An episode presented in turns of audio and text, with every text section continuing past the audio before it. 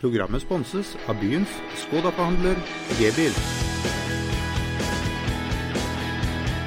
Hei og velkommen til en ny runde med Fotballradioen. Det er kun timer igjen til det braker løs på Sparebanken Sør Arena.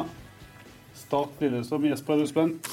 Jeg er veldig spent. Jeg gleder meg utrolig sammen med alle andre som er interessert i norsk fotball. Nå har det vært vintersport for lenge, nå har det vært engelsk fotball for lenge. Nå skal vi over til det som faktisk er den fotballen vi bryr oss mest om i Norge. Dette er gutta vi kjenner. Dette er gutta vi har spilt sammen med, spilt mot.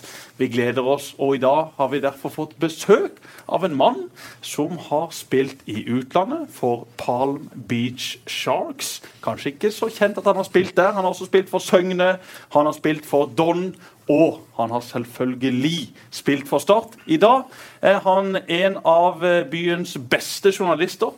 Eh, noe av det bedre vi finner fra Kristiansands Avis. I tillegg så er han en stor stor United-fan. Skriver en fantastisk blogg om United. Jeg var hos min tannlege i stad, Eirik Aaren fra Søgne. Han sa hils Ole Gerhard og sier jeg er stor fan av denne United-bloggen. Dagens gjest altså Ole Gerhard Sørensen. Velkommen. Tusen hjertelig takk. Det var en fin intro.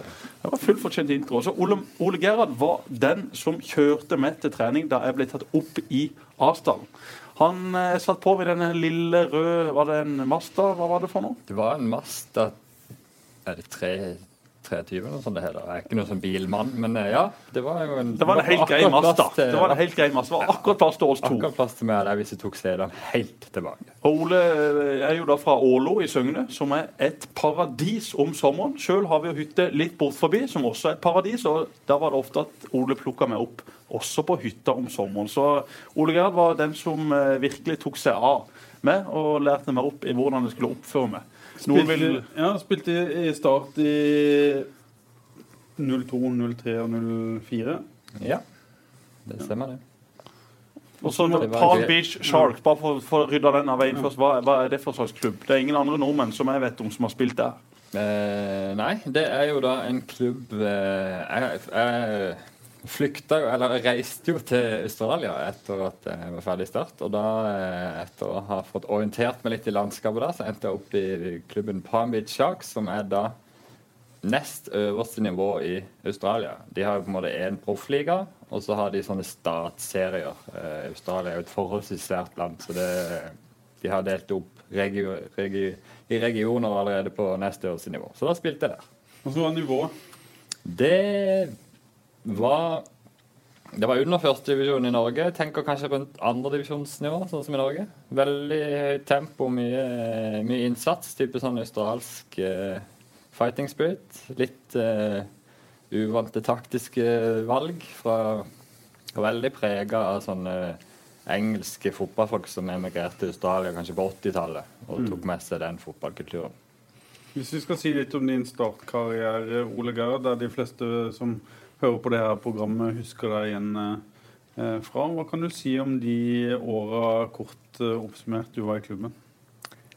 Eh, jeg, det vil vel være overdrivet å si at jeg var med på glansdagene i klubben, men det var utrolig mye opp og ned, både for meg og for Start. Altså, jeg kom jo inn midt i en sesong som var helt krise, i 2002.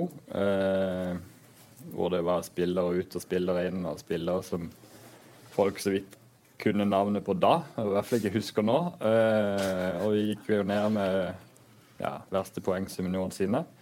Så hadde vi jo Omtrent på nivået som stoppa i fjor? ja, vi tok halvparten av poengene vel som Start tok i fjor. Det sier vel litt. Det var vel litt færre kamper. Det var vel 26 kamper det om. 26 kamper. Men eh, atskillig verre enn i fjor. ja. Og så 2003, som var en egentlig, Det er litt sånn rart, det er egentlig den sesongen kanskje jeg husker best. For da spilte alt og følte at vi, vi var en veldig fin gjeng, og vi var liksom eh, Det var mange altså Det var jo veldig mange eh, Mye av det som på en måte ble sølvlag etter hvert, var jo der da. Men at vi på en måte trengte en sesong på å få samla oss igjen etter det kriseåret. Så det var jo Det er vel den verste plasseringa klubben har hatt eh, det året. Og så var det året etterpå, når Tom kom inn og vi gikk eh, rett opp. Men da satt jeg mest og så på. Så det er litt sånn blanda følelse der òg. Men det var jo gøy å være med på den oppturen. For det var jo en veldig sånn spesiell eh, stemning rundt det, da. Men den første sesongen din, det er jo eh, Du har sagt litt om det at det var kanskje Eller at det var den verste sesongen i, i manns minne for, eh, for Start. Hvordan var det å være midt uh, oppi det som ungt uh, talent?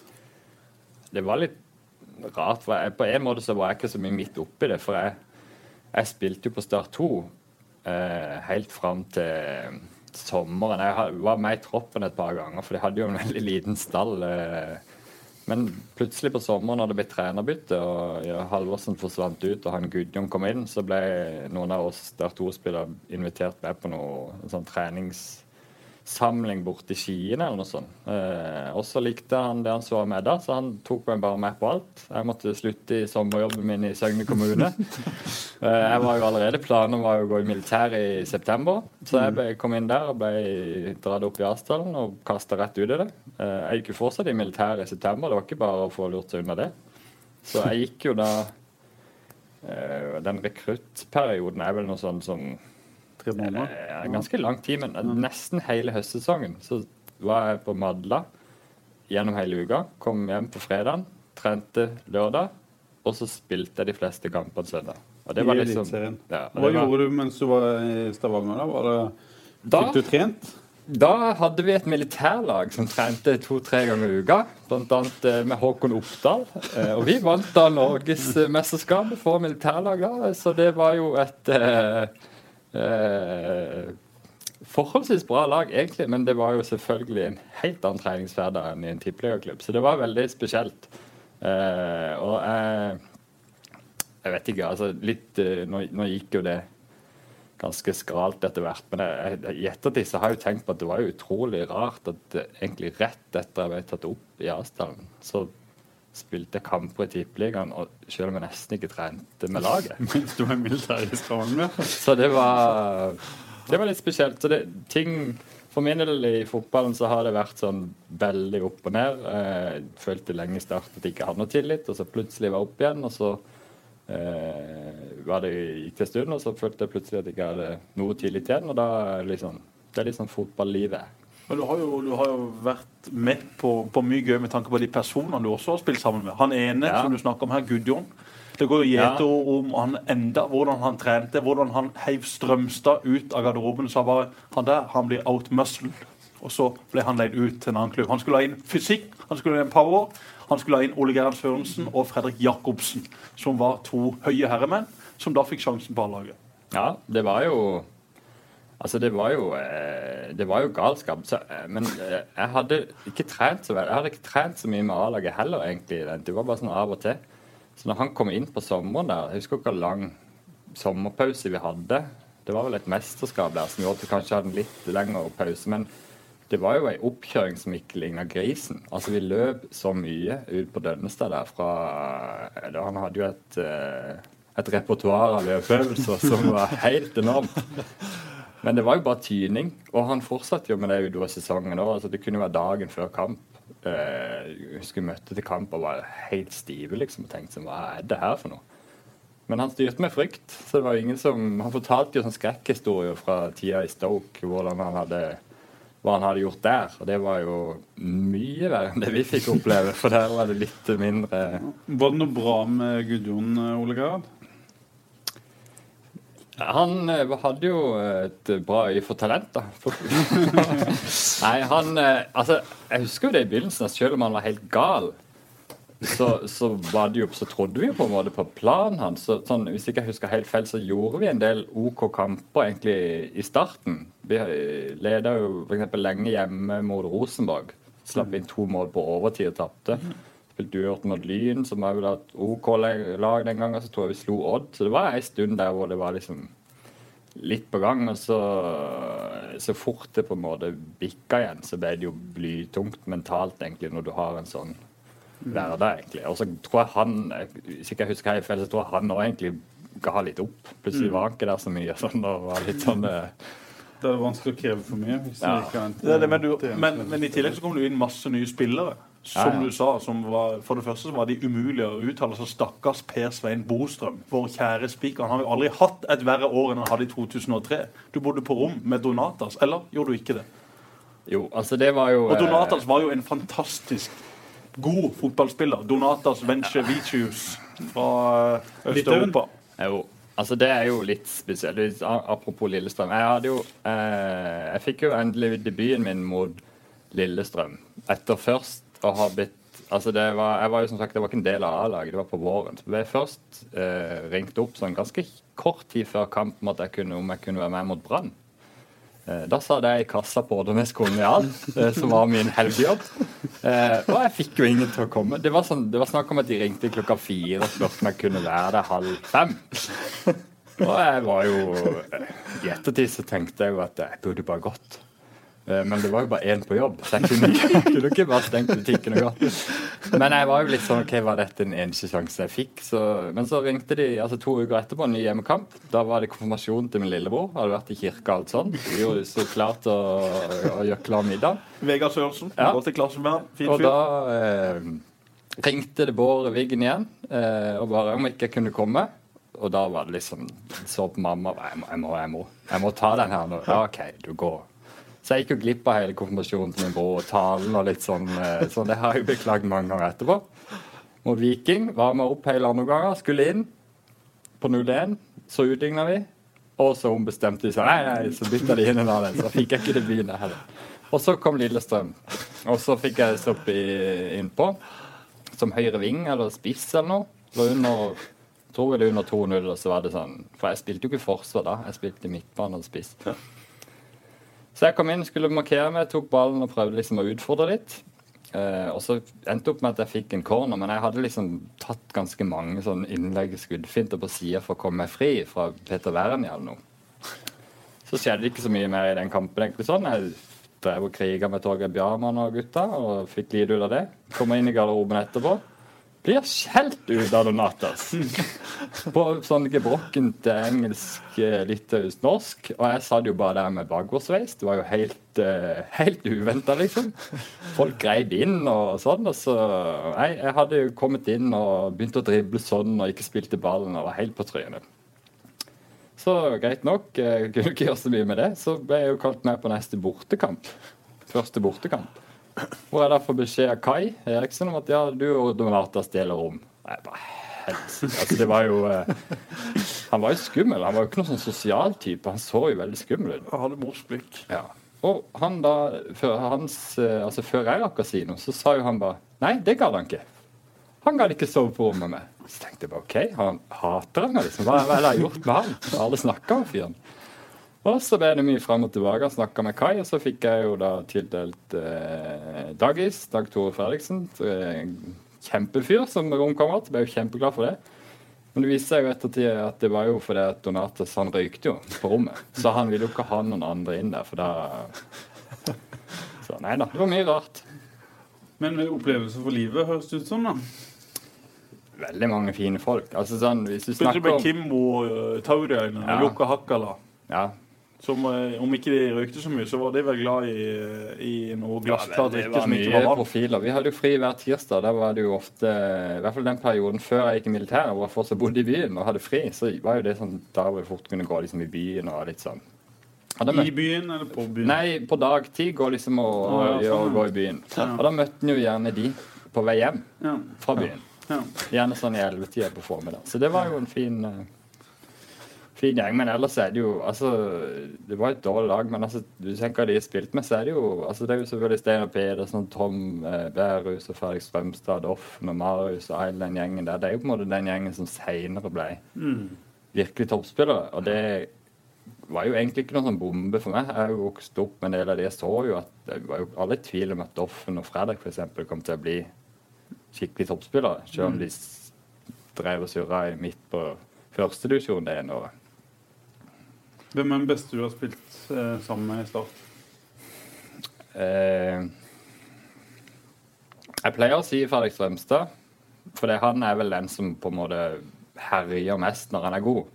Det gjør han jo fortsatt. Jeg spiller jo sammen med Fredrik nå på Don 2, og da Og for et lag Don 2 har! Vi er nødt til å snakke litt om Don 2 også. Og- Ta oss gjennom de spillerne som faktisk Rune Hægeland, min gode kamerat, har henta inn til årets sesong. Ja, altså det er Don jo 2 er blitt til eh, ny Don A. Midtstoppere Kristoffer Hestad Lars Martin Engerdal. Eh, ja, det er jo eh, Altså, nå, nå, Vi har jo veldig mange gode spillere. Det er jo litt sånn dumt å ikke nevne med alle de gode som kanskje ikke er så kjente. Men jeg regner med at i og med at dette er radio, så, så tenker jeg at vi kanskje skal Der vil gjerne høre de som har spilt på høyere nivå før. Ja, vi, vi tar de i utgangspunktet. Nei, altså Doffen er jo omskolert som stopper. En sånn, det er jo, Du tenker Canavaro med i gang. Og det Jeg tenker har- litt Mascherano. Ja, litt som Mascherano òg. Men, eh, men den, her, den løser han veldig bra. Ja. Lars Martin eh, er jo med. Er jo ti kilo lettere. Eh, han er jo blitt sånn ultraløper. Så han er jo i kjempeform. Og I tillegg er han markedssjef, eh, PR-sjef, sammen med det. Ja, han, han er jo egentlig sosialansvarlig. Akkurat. Eh, så den jobben er veldig god. Men det kommer ut noen tunge tar pressemeldinger innimellom her. friheter Ja. eh, når det gjelder å skrive pressemeldinger. Så det, det er egentlig mitt ansvar, det. Og så har vi jo eh, Fredrik Strømstad, selvfølgelig, som har vært med også i fjor. Så har vi jo fått inn Christer Kleiven. Det var jo en litt overraskende signering, for han var jo jakta Han hadde jo en del andre tilbud. Som Han sier iallfall det sjøl. Men Ja, eh, Christer Kleiven har vært så mye i garderoben at det er ikke alltid det Christer Kleiven sier du skal ta for god fisk. Nei. Det kan være at han har lagt på et tilbud eller to som han faktisk ikke har fått. Ja, det kan, Men det fyr. men det kan være at det, det vil overraske meg hvis ikke det er noen lokale eh, klubber sånn litt under start som kanskje har Det er det nok. Og som kanskje har betalt ikke like godt, så i hvert fall i nærheten av det vi tilbød. Og så har vi jo henta legenden i fløy, Lars Christian Pedersen, som kommer da hjem til Don. Ja, strålende signering. Det er jo kjempesignering. Ja. Eh, ja, vi har jo eh, Kjetil Bø. Kjetil Bø. Tidenes største talent på Sørlandet. Ja, Strømstad har du jo nevnt. Det er jo en eh, Strømstad, ja. blytung eh, midtbane. Da tenker jeg ikke i kilo, men i, i kvalitet. Det er en beintøff konkurranse på den midtbanen. For der har vi også flere andre gode spillere. Men hvor som, spiller du eh, på dette laget? Sist Jeg har jo da spilt eh, som en slags falsk nier eh, i de siste kampene.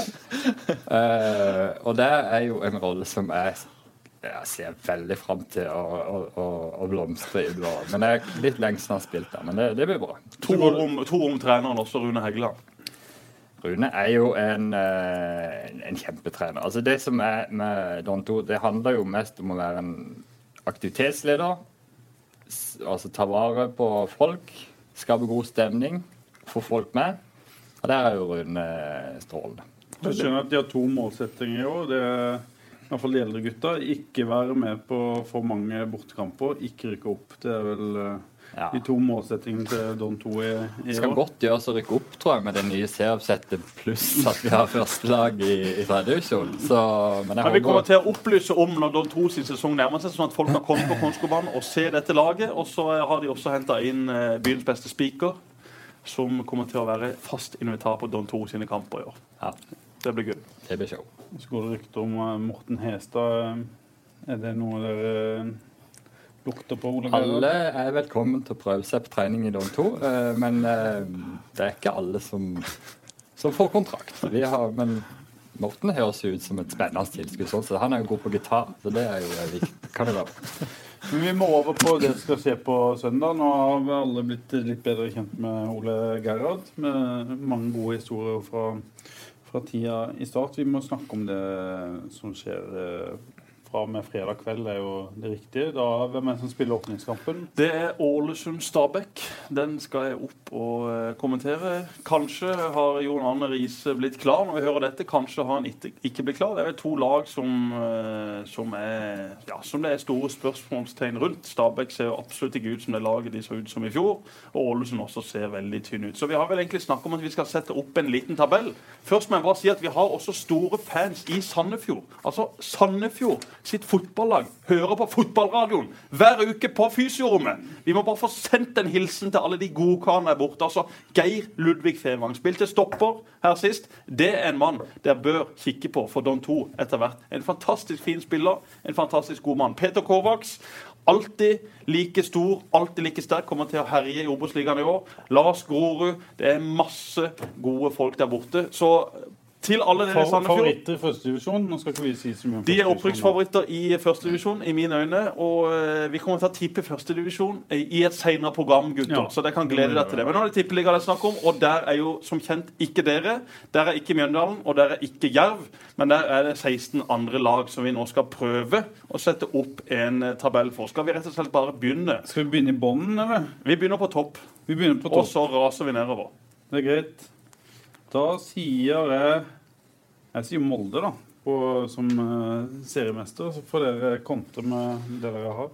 Ja, altså, jeg har, jeg har mest tro på Rosenborg. Jeg har det. Eh, først og fremst fordi at jeg syns Molde sin midtbane, sentrale midtbane, hvor de har mista Berg Hestad, Hussein og uh, Harmet Singh, eh, den var meget god i fjor. Har vært veldig god de siste årene. Nå er det Fredrik Aursnes, som har vært god i Obos-ligaen. Har vært god også for Molde i vinter, men det er et større spørsmålstegn enn de som var der. Eh, I tillegg har Martin Linnes reist. Eh, De har fått inn Eidar Gudjonsen, som jeg gleder meg til å se. Må jo være tidenes signering til Tippeligaen. Så går det rykter eh, om i Molde en ung kameruner som de har gjemt unna for at andre klubber ikke skal se han, som har herja i treningskampene. Og som folk i Molde har begynt å sette penger på som toppskårer i Eliteserien. Eh, hva tror du, Ole Gerhard? Eh, Er det de to lagene Ja. som er de to største favorittene, eller eh, vil du Det er jo det som er naturlig. Det er jo eh, Altså det som kjennetegner altså Begge de to har mista sentrale spillere. Så du er jo avhengig av at de som har kommet inn, tar over. Så har du sånn som Odd, som har veldig stabilitet. Som folk nevner som en outsider. Men jeg, jeg, har, jeg støtter meg vel egentlig til Jesper at jeg tror Rosenborg er foran Molde. Da har vi to mot én der. Da Ja. setter vi Molde på topp. Eh, Nei, Rosenborg. Rosenborg. Jeg tror det var Tråd har trippelstemme i dagens Ja. program. Ja, det blir Ja, eh, det er, har jeg, Ja. jeg har Nei, det, det- det blir- Dere som er fotballekspertene. vi, er eh, enige, om- vi er enige om at det står mellom disse to. Jeg har vært veldig altså, jeg, Jeg tror, jeg tror på Molde på en eh, enkel grunn. Han heter Ole Gunnar Solskjær. Han er vinner. Og og han har hvis gjort de kommer opp på det nivået som de har hatt i Europaligaen, så mener jeg ingen har høyere maksnivå enn det Molde har. De har spilt fantastisk fotball med et høyt tempo og eh, ja, kanskje det beste noe norsk lag har gjort eh, ute i Europa, i mine øyne. Det jeg har sett av, av fotball. Hvis de klarer å komme opp der, så tror jeg de vinner. Det er på en måte mitt eh, hovedargument. Den ser jeg absolutt. Og, og Molde er sultne i år. Når de har vært sultne, så har de vært veldig gode. De, var, de ble trigga å spille i Europa. De kommer til å være trigga i år mot å dytte Rosenborg ned fra tronen igjen. Og så eh, Men det spørs jo om hvordan de spiller inn, da. At de har hatt dette fokus på Europa helt fra sesongen slutta. Trent mot det, kjørt mot det, hatt en veldig opptur, og så skal du liksom bare ned, og så liten pust i bakken, og så skal du i gang igjen og tilbake til, til Ja. hverdagen. Ja, og så har de Fredrik Gulbrandsen tilbake fra skade, som, som uh, i mine øyne er en av tippeligaens to-tre beste spisser. Rosenborg har mista Søderlund, og de har fått inn Gudkjær. Alle skryter av at Gudkjær er så Men at det er bedre spiss enn Søderlund. Men jeg syns ikke det. Som starter serieåpningen. Ja, det er feil. Skal du snakke med meg, så skal du få alle lagoppstillingene. Og det er Christian Gudkjær som kommer til å starte de første kampene, med Mathias Williamson som en veldig tøff utfordrer. Men Gudkjær er ikke henta opp der for å sitte på benken. Uh, han kommer til å spille, men i mine øyne så er det et jevnere spisspar Rosenborg har i år. Jeg syns Søderlund var markant bedre enn Mathias i fjor. Eh, fordi at han, okay, han skårte 22 mål, og alle sier at ja, men får du så mange sjanser, så bør du skåre. Men det skal også sies at han kom til disse sjansene. Og han er en håndfull å spille mot. Så litt svekka Rosenborg. Molde har, har kanskje det høyeste toppnivået. Hvis de klarer å bli stabile der, så er jeg faktisk enig i at Molde kan gå forbi. Men eh, nå har vi satt Rosenborg 1, Molde 2. Hvem Ja. tredjeplass? Og så skal jeg bare si eh, Thomas Amang heter han fra Kamerun, som skåra to mål i Moldes siste treningskamp før eh, det, det begynner Spennende. Spennende. Eh, nummer tre, det er vel eh, enkelt å si eh, Odd. Ja, det er jo det. Det er jo Odd og Godset det står mellom eh, på den plassen. Eh, Det hadde vært litt gøy å bare tippe Odd ganske langt ned, egentlig. For det er sånn, nå har de vært så stabilt gode Skal og vi sette jevne. Odd som sånn nummer fem, da? ja, vi vi Ja, setter synes- Odd på femteplass. Ja, La oss tid. gjøre det. Fordi at eh, de er vel faktisk det eneste laget som ser styrka ut i forhold til i fjor. De har beholdt alle de beste. De har egentlig beholdt hele elveren, og så har de fått inn Fredrik Semberge, som på sitt beste, som han var sist i Odd, er en av tippeligaens aller beste stoppere. Så Odd ser eh, spennende ut, men Men de må ha mål, må, folk som skårer mål. Ocean skåra mye i fjor. Frode Johnsen skåra en del i fjor. Ocean er blitt ett år eldre. Frode Olsen har lagt eh, Frode Olsen, Frode jeg. Olsen og Frode Johnsen har lagt opp. Begge har lagt opp. Eh, Er det det som eh, er spørsmålstegnet ved, Odd? Ja, det syns jeg. Henrik Helsrud Johansen, som var i Fredrikstad i fjor, sies å ha tatt store steg og har nærma seg Ocean. Men uh, Ocean kan fort gå på noen skader og fort gå på noen smeller, og da, da er, har ikke Odd den samme poweren som de behøver å ha for å, for å være med og kjempe har helt vi der oppe. Strømsgodset som nummer tre. Odd som nummer fem. Hva kan vi si om eh, Vi må si noen ord om eh, Strømsgodsåret. Jeg syns jo at Strømsgods eh, altså De har jo også mista sentrale spillere, men jeg, jeg syns de har eh, fått inn bra spillere. Altså hvis du ser, De har ikke henta så mange, men de har henta liksom kvalitet. Eh, Jonathan Parr, han eh, Tommy Høiland, gode Francisco Tommy. Junior. Ja, de har, eh, de, har de, jo det i fjor. Og så disse her spillerne de har henta på lån. Boateng og Mohammed Keita har de ja, henta. Så Markus Pedersen er jo eh, en Hele sesongen med han er kjempeform. Så det er spennende å se om det var Markus Pedersen i fjor som skumma fløten av Vikheim og Fossum, som spilte han opp gang etter gang etter gang, eller om det faktisk er Markus Pedersen som virkelig er tilbake der han var før han dro eh, til England. Så det er jo det store spørsmålstegnet med Strømsgodset, selvfølgelig. Gustav Vikheim, og ikke minst Ivar Fossum, som i sin offensive midtbaneposisjon, indreløperposisjon i fjor, var briljant. I tillegg til at han jobba knallhardt defensivt. Så jeg Spiller tror- nå i Bundesliga. Yes, fullt fortjent. Enn så lenge. Da har vi plass fire-seks, for vi har jo som kjent Odd på, på femteplass. Er på sånn eh, Lillestrøm, eh, Viking Det er to lag jeg eh, Jeg har følelsen av at kanskje et av de lagene kan eh, blande seg inn i medaljestrid. Jeg syns Vikings nigerianere er fantastisk gode. Mm. Jeg syns resten av laget deres er fryktelig grått. Men uh, Abdullahi Adegbendro, i tillegg til disse to nye de har henta inn, eh, kan de to slå til i nærheten av hvordan de to gutta gjorde i fjor, så, så syns jeg at Viking er en sterk aspirant til, Så har de til å være med der noe, oppe. noe som eh, folk ikke snakker så veldig mye om, og som Start mangler. Den, de sentrale midtbanespillerne på Viking, med Joakim Jørgensen, som kanskje spiller stopper, med han nye eh, Ibrahim. Ibrahim og med islendingen Sverresson, så er de tre meget solide eh, Litt kjedelige, grå fotballspillere, som du sier, men som er ekstremt viktig for et lag, og som gjør at antakeligvis Viking kommer til å slippe inn ganske få mål. Derfor tror jeg at eh, Viking kanskje, hvis de får beholde en, eh, en skadefri, relativt skadefri tropp, kan blande seg inn helt der oppe. Ibrahim syns jeg ikke går. Han syns jeg er en god spiller. Det er Mm. strålende signering. Han vil trenge litt tid på å finne tilbake til sin toppform, men når han er, når han er tilbake på jobb, så har Viking en meget sterk midtbane. Spørsmålet bak er jo hvordan de vil savne Indridi Sigurdsson. Han var lederen, han var kapteinen, han var krigeren. Nå har de fått inn eh, to eh, midtstoppere som eh, som er, som er for så vidt eh, OK, de Metz og Suarez, men jeg stiller spørsmålstegnet hvem skal lede den backrekka. La oss eh, håpe for Vikings del at, uh, at eh, Karl Metz eller Suarez tar den hansken. Så vi har Er Viking på fjerde? Viking på fjerde, og så kan, vi, eh, kan jeg trumfe inn eh, Lillestrøm på, på sjette. Det er dere uenige Nei, Det er noen andre det er mye fart, mye kraft. Det er Uh, Vålerenga eventuelt. Vålerenga har jeg ikke troa på. Nei. Jeg, har Nei, jeg har heller ikke det. jeg har ikke veldig tro på det som de Skal vi holder sette på med. Vålerenga ned på tiendeplass? La oss sette Vålerenga på tiendeplass. Ja. Er det greit for deg, Ole Gerhard? Jeg bare spilte inn navnet Vålerenga. Eh, Og, da, og når du spilte det inn, så gikk det fra sjette til tiendeplass. Ja. Vi må gjøre det enkelt her, hvis ikke blir vi sittende Ja, vi hele ettermiddagen. Da Sarpsborg, Pål, har du eh, sett på La Manga? De Ja. har du skrytt veldig mye av. Eh, Er det sånn at vi skal sette dem på en syvendeplass? Hente Ja. inn ekstremt mye nytt og kvitte seg med mye gammelt rødd? Ja, det har de gjort. Og så satser de på noe som, er, som jeg mener blir mer og mer viktig i moderne fotball. Fart fremme og på, på kantene. Både en eh, svenske som heter Lindberg, som jeg fikk veldig sansen på uh, av Nei, hva heter det? Sansen for på Ja. La Manga. En eh, rask uh, svenske som har fortsatt storspillet etter at de En igjen som de sier i Sverige. Ja. Uh, med Gudmund Kristiansson-sveis.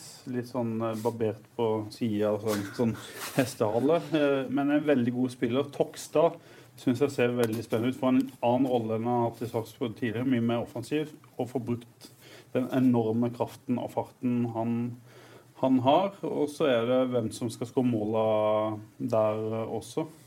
De Og de har eh, Patrick Mortensen var jo god i fjor, syns jeg. Hvis han kan uh, få, en, få en god makker i Lindberg, så, så har de eh, spennende folk framover. I tillegg til Bosetti, som eh, har spilt på aldersnevnt landslag med Paul Pogba og mm. Og som har skåret flere mål i league. Han ser, bra, han, han ser bra ut, han òg. Han ser også bra ut. Så Sarpsborg eh, ser spennende ut. Så får vi se om de får denne her gjengen samspilt. Dette er litt som i 2003, når hele laget blir henta inn. Så vi får se om det går bedre. Sånn er det jo nesten gjennom hele tippeligaen. At det er jo Altså, Nå sier dere vi i Kristiansand vi som tipper tabellen, men for dere som gjør det altså Det er jo ikke Mm. lett. Altså, halv, Nesten alle tippeligalag skifter ut Og Sarpsborg er sånn alt eller ingenting. Det, blir, det kan jo Ja.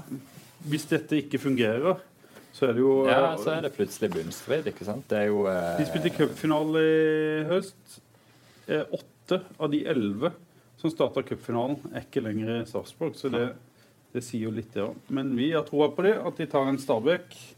Klarer å Vi har- vi sy sammen et godt lag. Og det som Ole sier, det er å tippe tabellen i år, spesielt når vi nå kommer til den nedre halvdelen. Der er det, Vi tippa tabellen i, i TV 2, og der var det altså de åtte nederste.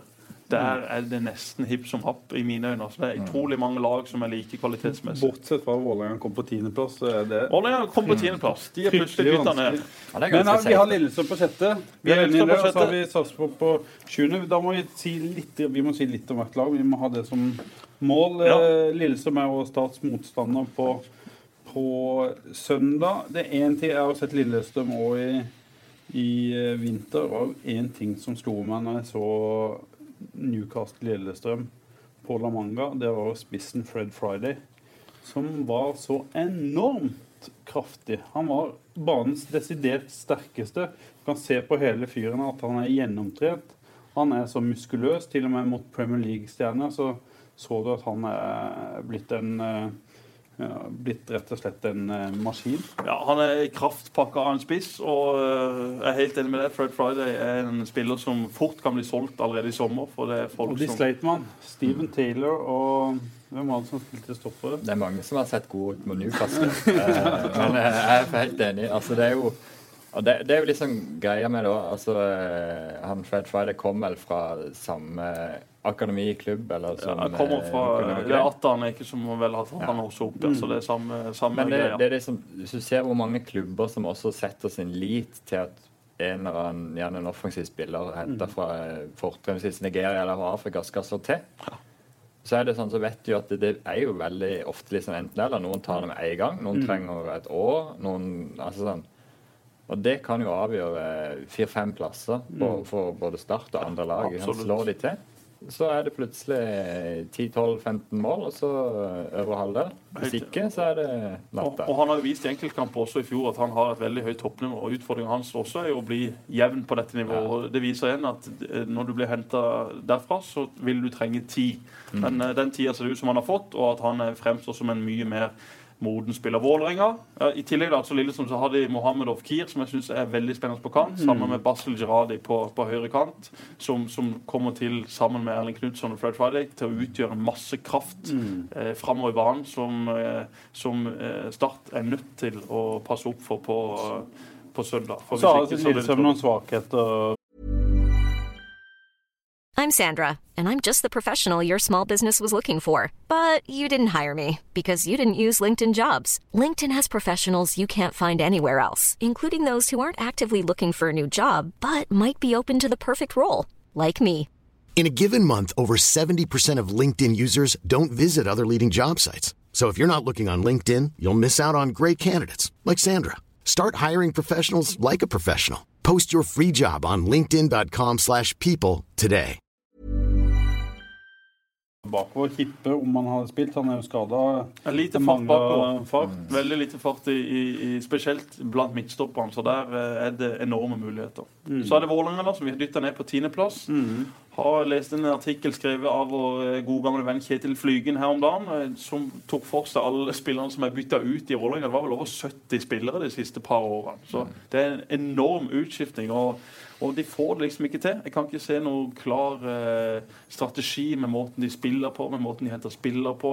Jeg syns det vitner om at det er litt mye kok på Ullevål.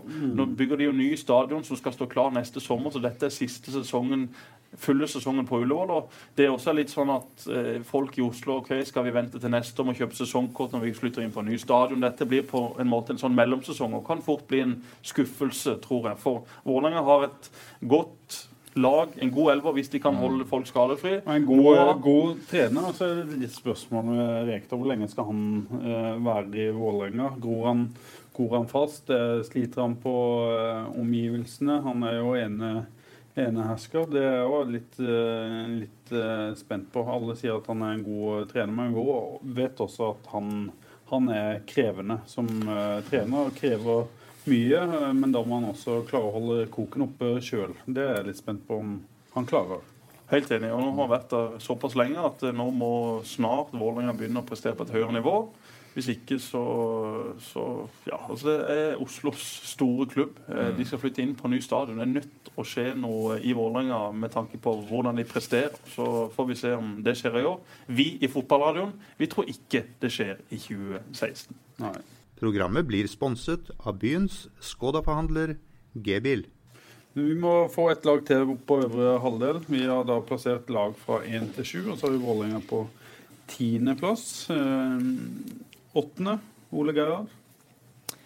Da begynner vi vel å nærme oss der Start bør være, er det ikke det? Eh, nei, eh, åttendeplass eh, Du må bare foreslå Start allerede, hvis du, Nei, hvis du føler en, det er eh, riktig.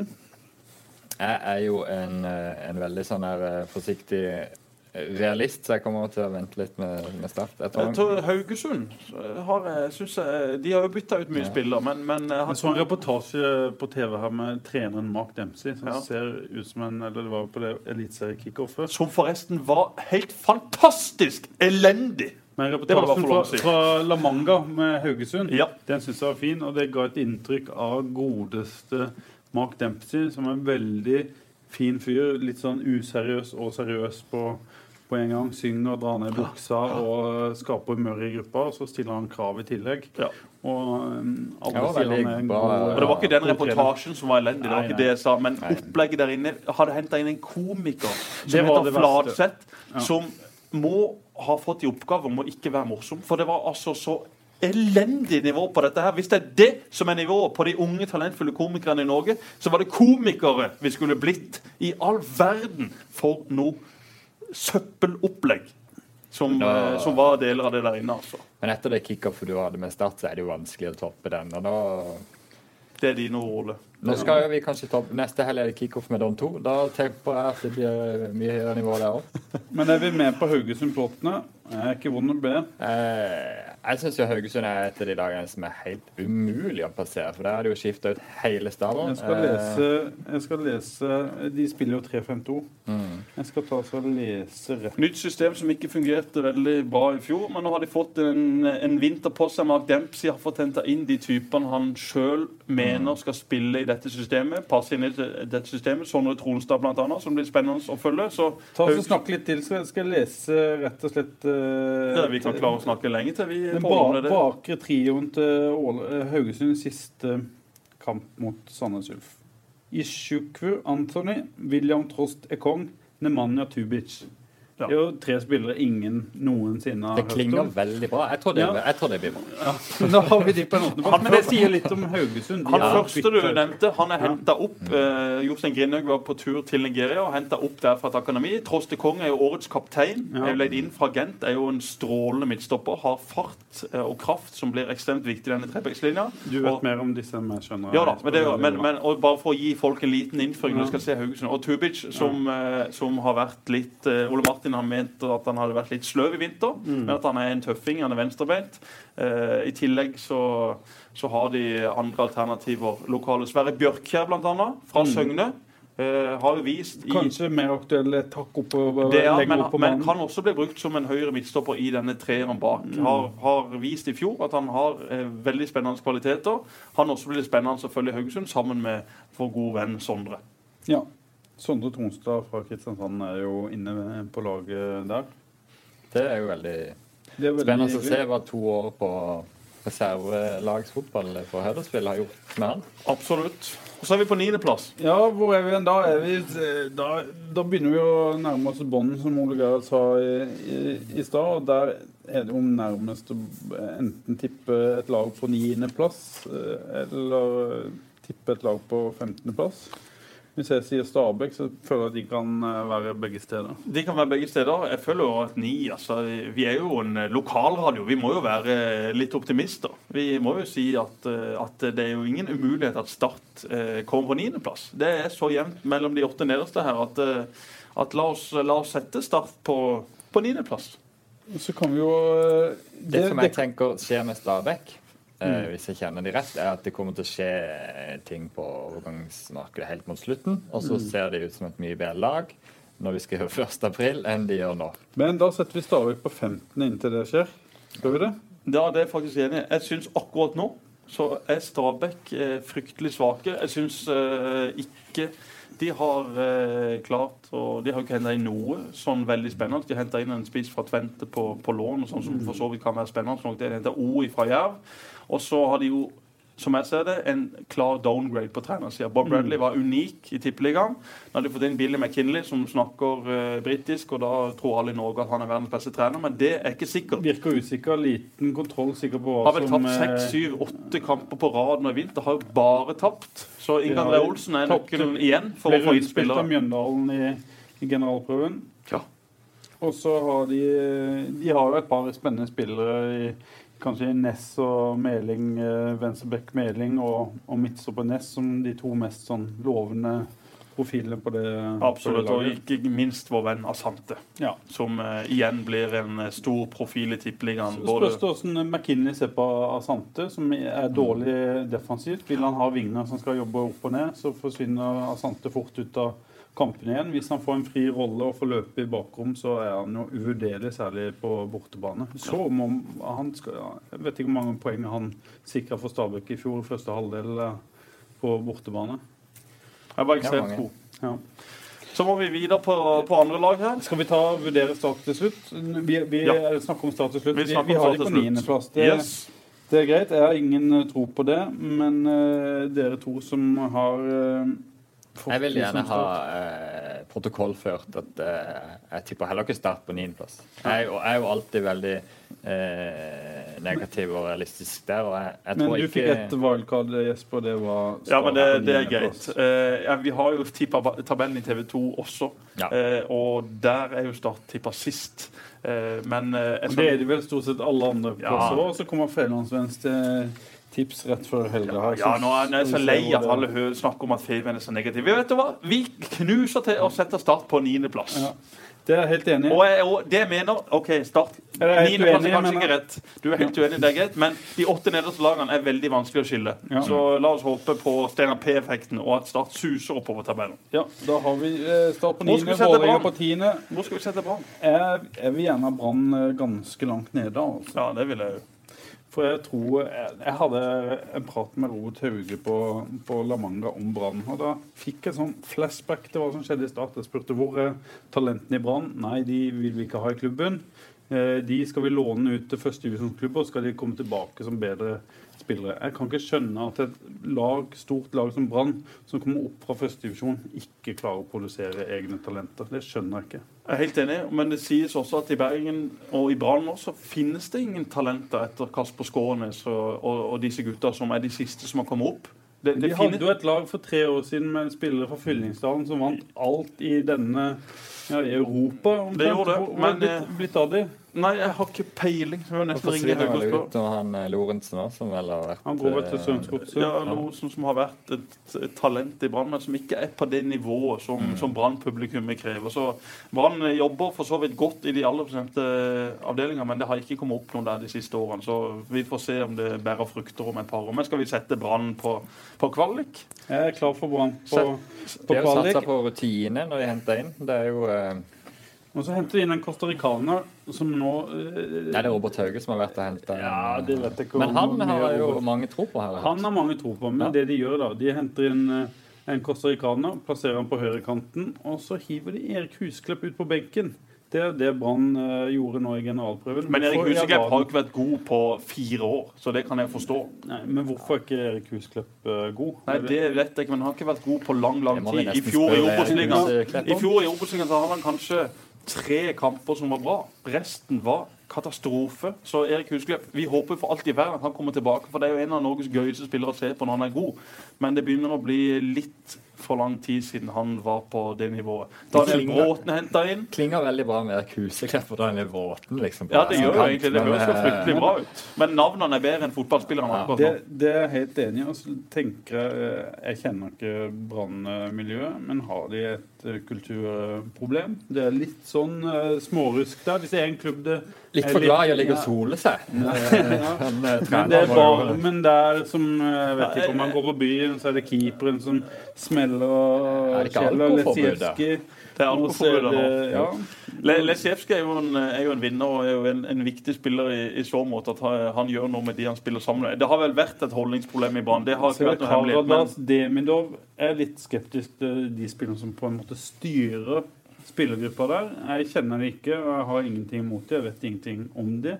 Men eh, det aner meg kanskje at, eh, at eh, det kunne vært eh, bedre kultur i Bergen enn det er akkurat nå. det som eh, gir Brann håp, sånn som jeg ser det, er at de, har en trener som vet hvordan han vil ha det. Han er krystallklar med tanke på hvordan han vil ha det i miljøet, som du sier. Han, han har ikke respekt for, for noen av disse navnene, selv om det er store navn. Så eh, Grunnen til at Brann settes på kvalik, er jo rett og slett kvaliteten på de som er der. Mange fine navn, men mange av disse navnene var bedre for noen år siden. Det er ikke sånn at det er siste forbruks, da, men det er sånn best før for disse spillene. Så de er på vei ned. Men kan vi også si sånn at hvis Brann først finner flyten, og hvis de, og du får disse spillerne til å eh, trekke i samme retning og får de opp på det nivået som de har vært på sitt beste, så blir Brann eh, gode. Det er litt sånn som kan si eh, altså Litt mindre grad, men litt sånn som Ålesund, f.eks. Altså, hvis du får liksom det der trøkk og optimismen i byen, så kan det bli en sånn bølge hvor en bare liksom dytter det et stykke på vei. da. Eh, det, er jo, altså, det er jo ingen plasser det koker så mye når det går bra eller dårlig, eh, som i Bergen. Men eh, ja, det er som du sier. altså, Får de en god start, får de gang på det, så kanskje de kommer litt lenger opp. Men vi satt de på 14. Ja, Kvalik. Apropos Ålesund. mot Mjøndalen. Ja, Ålesund, eh, Ålesund er Mot ikke Jerv. Da blir det Brann Jerv i det, det, det blir gøy. Det blir gøy. Eh, vi setter Arne Sandstø sender Brann ned. Det hadde vært enda gøyere. Ja. Ålesund på eh, Ålesund, Sogndal har vi igjen.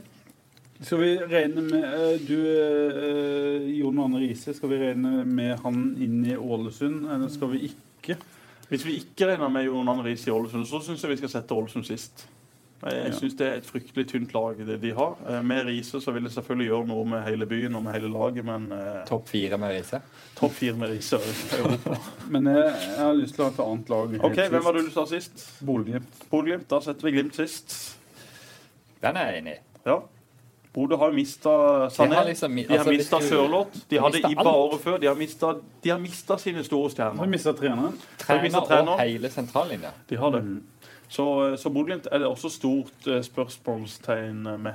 I likhet med mange andre lag. eh, de har talenter, De har det. Mathias Nordmann har Ole Martin Åst forelska seg i vinteren. Mm, En han, han har jo sett uh, en bra spiller. Så er det en ung Berg som kan komme. Han ser ung og uferdig ut uh, foreløpig. Patrick Berg, sønnen til Ja. Ørjan. Ja, Er Nordmann familie med Runar Nordmann? Nei, det...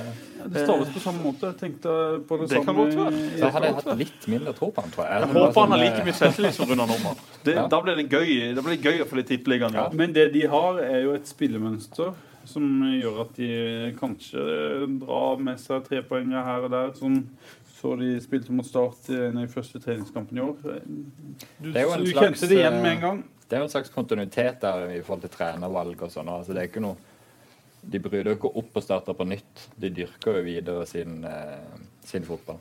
Det er akkurat det de gjør. Men vi har Glimt sist. Og så var det Ålesund. Skal vi ha de 13, eller? Ja, det syns jeg. Ålesund på 13. Eh, stor spørsmålstegn eh, ved de sin eh, stall. Et stopperpar som mangler en leder. I, fjor hadde de svensken Dyrestam, som, som var veldig god. De har mista Grytebust, de har mista Leke James, fått inn Frank Poli, men i mine øyne er Leke James en, en mer komplett spiss og en vanskeligere spiss å spille mot. Så det, det er store spørsmålstegn på Men de har også litt ressurser der de plutselig kan, som Ole Gerhard sier eh, 1. april kan laget til Ålesund se ganske annerledes ut enn det, det ser nå. Det er jo ikke Det kan bare, bare Det er jo ikke bare De fikk vel 20 millioner for Leke James og 3 millioner for Henrik Bjørdal, så de har penger. Mm. Men akkurat nå så er de på 13. de, Bruker de på reise. men de bruker samtidig mer penger for tida enn det de klarer å få inn. Ja. Denne onde spiralen som noen andre klubber er. Ikke en utviklingsklubb sånn som Odd og Strømsgodset, og kanskje også Start eh, er i ferd med å bli. Eh, går litt feil vei med Ålesund, føler jeg. Entusiasmen litt på vei ned. Eh, er vel tradisjonelt et lag som skal gå mellom førstedivisjon og Eliteserien, Ole Gerhard? Altså, de har vel Altså, de har vel lenge overprestert. Altså, Ja. Rekdal vil jo mene det, og det kan jo være enig men de hadde jo et veldig bra lag eh, i sin tid. Så forsvant de jo liksom ut en og en disse sånn gull, gullspillerne som de traff eh, på, som de henta inn. Men, eh, og entusiasmen er vel har vel vært nedadgående.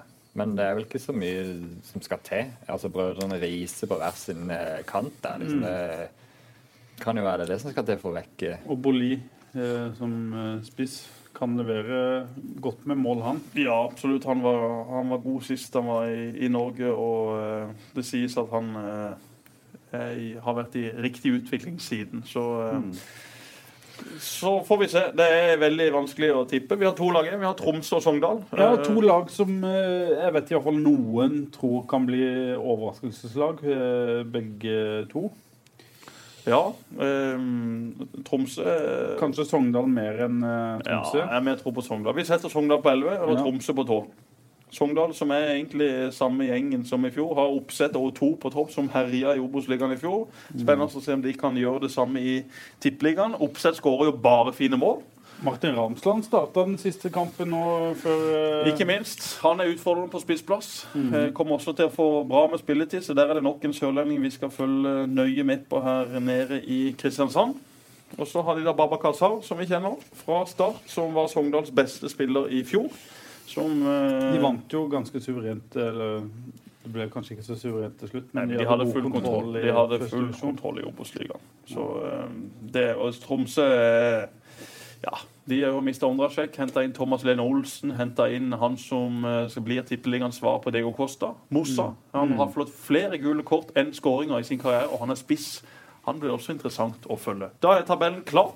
Men vi, må si, vi glemte å si litt om, eh, om eh, Tromsø. Ja, Skal vi si vi har Tromsø? Ja, det Ja, vi må eh, si litt om de. Eh, de har et stopperpar i Simen Wangberg og Magna Ødegaard som igjen, eh, litt som Ålesund, sliter med å se hvem som skal være lederen i dette forsvaret. På midtbanen hadde de kvitta seg med Markus Hansson, som var altfor sein i, i fjor. Han var altfor treg. De henta inn en ny svenske som jeg ikke husker navnet på, men som også spiller sentral midtbane. De har Mikael Nore Ingebrigtsen, som var god deler av fjoråret. Han har tatt steg i vinter. Gjermund Aasen eh, åpna sesongen strålende i fjor. Så var det ingen som så han siste halvdel. Han har visstnok utvikla seg i riktig retning i Altså, vinter. to veldig spennende signeringer. Morten Gams Pedersen først, og så eh, islendingen eh, Williamson. Ikke Williamson, det heter han? No. Arne Williamson, heter han ikke det? Er ikke det han i Lillestrøm? Nei, Det kan godt være det. Men la oss ta Gamst først. da. Han har jo vært eh, ikke i nærheten i Rosenborg. Eh, han, har ikke, han har ikke vært i nærheten av å få spille der. Har ikke vært eh, i, god nok, eh, i godt nok slag. Han er alltid i god form, men har ikke vært eh, bra nok. Så han blir vel også mer en joker i Tromsø. Aron Sig... eh, Han heter Sigurdarsson, heter han. Sigurd selvfølgelig. Ja. Og han er jo kanskje den mest spennende spilleren som Tromsø henter. Har jo herja i vinter og ser meget bra ut. Da var, det, da var vi i mål med det. Eh, en ting før vi gir oss med oppsummeringa. eh, toppskårer, så skal vi snakke litt om Start til, til, til slutt. Jeg skal notere ned her. Fredrik Ullmannsen er min eh, toppskårer. Ole Gerhard Sørensen. Du har Ja. ikke lov å si det sjøl, men det er vel heller ikke særlig realistisk. Ikke tippeliga, nei. Eh, Men eh, ikke mulig for de to i denne falske nierrollen. nei. Eh, jeg kommer ikke til å skåre så mye mål. Jeg legger til rette for vår mer eh, bakromssterke eh, spiss. Eh, nei, toppskårer Det er ikke noe sånn kjempeutprega kandidater her. Skal vi tippe Jeg tror ikke Gudkjær kommer til å bøtte inn. Gulbrandsen eh, han er sånn type som eh, går glipp av ti, kamper i året. Skal vi gå for uh, Skal vi gå for Fred Friday, da? Satser på at han begynner fra andre runde og utover og bøtte inn. Ja. Det er ikke noe dumt tips, det. Jeg går for en vikingspiller. Abdullahi Viking, eh, spissen. Jeg tror hvis han eh, ikke blir solgt i sommer, så tror jeg han blir toppskårer i Eliteserien. Eh, gode tips fra, fra alle tre, om jeg kan si det sånn. Men eh, jeg frykter at både Abdullahi og Friday kan bli solgt i sommer. Så, eh, men la oss, eh, hvis de blir solgt, så setter vi eh, sluttstrek i sommer når en av de går. Så skal vi se hvem som har tippa best. Vi tar fem minutter eh, fire-fem minutter til, gutter, om kampen på søndag om, eh, og om eh, Start. Eh, Jesper, du eh, er litt diskvalifisert i å snakke om Start. Som, som vanlig er jo bare positiv og tør ikke si hva du mener, så jeg spør Ole Gerhard eh, først. Hva, hvor, hvor står Start i dine øyne? Jeg tror Start eh, De aller fleste føler at Start står eh, Eller de aller fleste føler at de ikke vet helt hvor Start står. Jeg tror de, eh, både innad i klubben og de som følger tett, og de som sitter utenfor, føler at de er på riktig vei og har gjort mye riktig. Jeg tror de aller fleste har kjempetro på Steinar Pedersen som trener. Mm. Og så er det jo liksom snakk om hvor godt mannskap har man. Hvor, altså, sånn, det er jo den samme gjengen eh, som sier til fjor, pluss en del nykommere som, som ikke har spilt tippeliga før. Så det er vanskelig å eh, Det er vanskelig å, å være bombastisk på at jo, Start kommer til å bli sånn og sånn. Det er derfor folk har så lite tro på dem. Men for Starts del så tenker jeg at det handler om eh, Det handler om å erkjenne at, eh, at det blir en kamp. Altså De må ha samme innstilling som, som Sogndal kommer til å ha, som Mjøndalen hadde i fjor. Altså De må ut og krige for hvert poeng. Det vet jeg at, uh, at Steinar er jo en sånn type. og Det er derfor jeg har på en måte tro på at Start kan på en måte overprestere fort. Altså De kan levere over ende. For, for Steinar handler det først og fremst om å vinne. Han liker vel gjerne dominere kamper og, og, og spille fin fotball.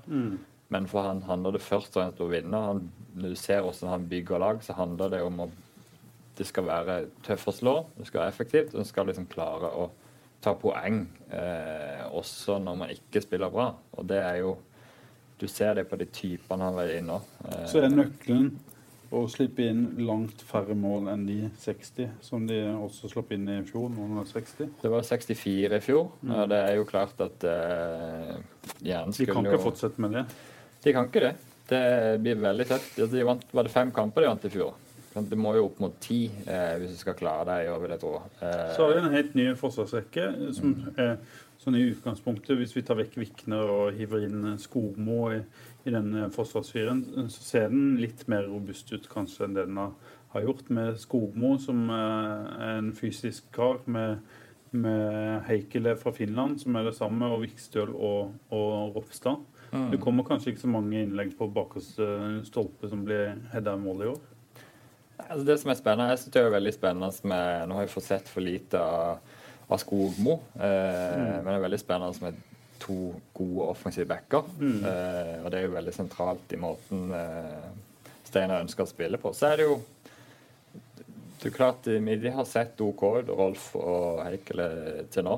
Men eh, det er jo først når det liksom ordentlig får brynt seg, at en får se hva det er. Det er klart Rolf er ganske fersk, og han fikk også fersk, så det er jo klart at uh, Det er kanskje flere spørsmål enn en enn svar foreløpig, som Geir Ulrik Fevang eh, sa etter Ja. eh, kampen på Så på tror jeg, jeg tror det kommer til å falle veldig mye på hvem Altså, de eh, jeg kalte det gambling og de fleste vil si det på Ilimokan foran. Mm. Eh, nå har jo Lasse Sigurdsen vist seg som et godt alternativ, men en, at en av de på en måte spydspissene Mm. kan slå til og tror jeg har veldig mye å si. Ja.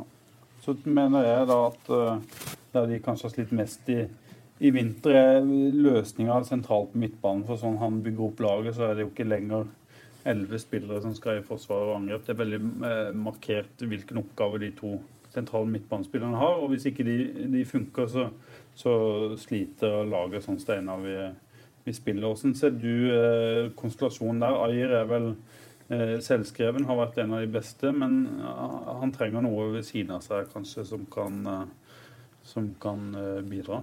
Ja. Ayo er jo altså Først det er vanskelig å glemme at han er 17 år. Mm. Og, og uansett så skal han jo bort. Eh, det er jo under halve sesongen er der. Så jeg klart at han er jo på en måte selvskreven. Men, og du snakker om at du må ha en, en erstatter for han. Men du har ikke den der helt naturlige makkeren som utfyller han veldig bra. Du har Holdningen som har, eh, som har i utgangspunktet en mer kreativ og bedre ballspiller, men som ikke Eh, Har ikke selvtillit akkurat nå, Nei, som. er kanskje litt mer risky, og som ikke har liksom det samme punchen defensivt. Så har du jo Gummi, som er litt av det motsatte. Eh, som har kjempemye duellkraft og, og trøkker til, men som igjen kanskje ikke er like pasningssikker og, og kreativ eh, forhold til det man ønsker der. Så det Hvem vil, du, hvem vil du helst se av de to i, i serieåpninga? Det ser kanskje ut som det er Kristiansson som ligger eh, lengst fremme. At han går for eh, fysikk og kanskje litt mer safe, og vil bruke litt mer tid på holdningen før han, før han får starte i Eliteserien. Ja. Det, det, det, det vil jo egentlig bare Altså, det, du kan bruke holdningen, men da må Ayer på en måte ta den defensive. Mm. Mens han har jo den her eh, gjennombruddskraften og det som løpskraften som han gjerne vil slippe litt mer løs. Mm. Sånn at eh, det kommer litt an på hvordan en angriper. Det vil som sagt, det kan fort være en går for den trygge løsninga der. Men eh, hvis det fins noen midler igjen, eh, så ville, hadde jeg vært Jesper brukt eh, tid på å finne en eh, en, eh, en eh, erfaren og sjef på midten som kan da ta over for Ayer, men også gå inn og styrke umiddelbart. For det tror jeg en, en, eh, en litt sånn general der som kan stabilisere og være og styre disse unggutta som kommer kanskje på kantene og, og foran også, det hadde betydd mye. Hvem, får- hvem får gjennombruddet i år, Jesper? Eh, Mathias Rasmussen eh, er vel den som er nærmest å få et skikkelig gjennombrudd. Han har ennå ikke spilt noen veldig gode kamper i Tippeligaen, selv om han har vist eh, i glimt. Så han må opp på et mer stabilt nivå. Men der tror jeg han kan komme i år. Jeg syns han ser bra ut. Jeg har alltid vært stor fan av Mathias. Jeg liker hodet hans, jeg liker innstillinga hans til fotball. Jeg liker uh måten han spiller fotball på. Når du har sans for noen, så tenker jeg da må de være ganske gode. For du, du er kritisk til de fleste. Ja, jeg skal innrømme det at jeg er ganske kritisk, spesielt når det kommer opp uh, unge, nye spillere. Så ser jeg på det med et kritisk blikk, for uh, jeg vet hva som skal til for å til slutt slå igjennom. Og uh, det er veldig få som klarer det. Og da er det først og fremst hodet det går i. Selvfølgelig sammen med fotballferdigheter, men du må være tøff i nøtta. Du må kunne gå ut på treninga og i kampene og ikke ha noe respekt for de du møter. Og der er Mathias Rasmussen. Og være sånn som du var når du kom opp. Ja, kanskje ikke så mye. Kanskje, kanskje en mellomting. Det Jesper er kommer, kommer inn og får venstrebekken der og Men det som er spennende, Mathias som eh, ser på trening og også setter i kamp, kanskje mer i de landskampene som på La Manga, er jo det trøkket han har begynt å få i steget. Det syns jeg er Ja veldig spennende. absolutt. At han eh, nå kan utfordre med litt fart, og han har et eh, veldig godt eh, rykk i forhold til f.eks. Daniel Aase, som, som han kanskje Så kjemper synes jeg Lasse Sigurdsen har vist at han hadde sting, han hadde Ja. steget som skal til for å kunne gjøre uro i, i Tippeligaen. Så eh, det er spennende. Og Erik Vikna, som, som har tatt veldig mange steg i vinter. Og som plutselig kanskje spiller høyrekant mot Lillestrøm. Absolutt. Han er, han er et alternativ på flere plasser, Eirik. Så vi gleder oss til, til å se de lokale. Det er jo det som er aller, aller gøyest. Men jeg syns det var kloke tanker om Start. Dere kan uh, fotball. Det er synd at dere ikke kunne Ole skulle gjerne hatt deg på banen enda. Altså, det var en glede å spille med. og Var mandag. Det er ikke det med opp. Men du, før vi avslutter. eh, ben Wright og parkeringsbøtter, Der har vi en historie som vi er nødt til å ta.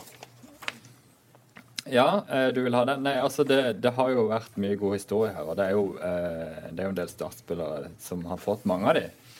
Og, mange av de er litt typiske. Men så tenkte jeg at det, det er jo langt ifra det er bare Balagaba og Kai Risholt som var på. Altså, alle husker Ben Wright. Jeg, synes jo, jeg gikk jo litt sammen med Ben. En herlig type. Utrolig beskjeden og høflig og grei fyr.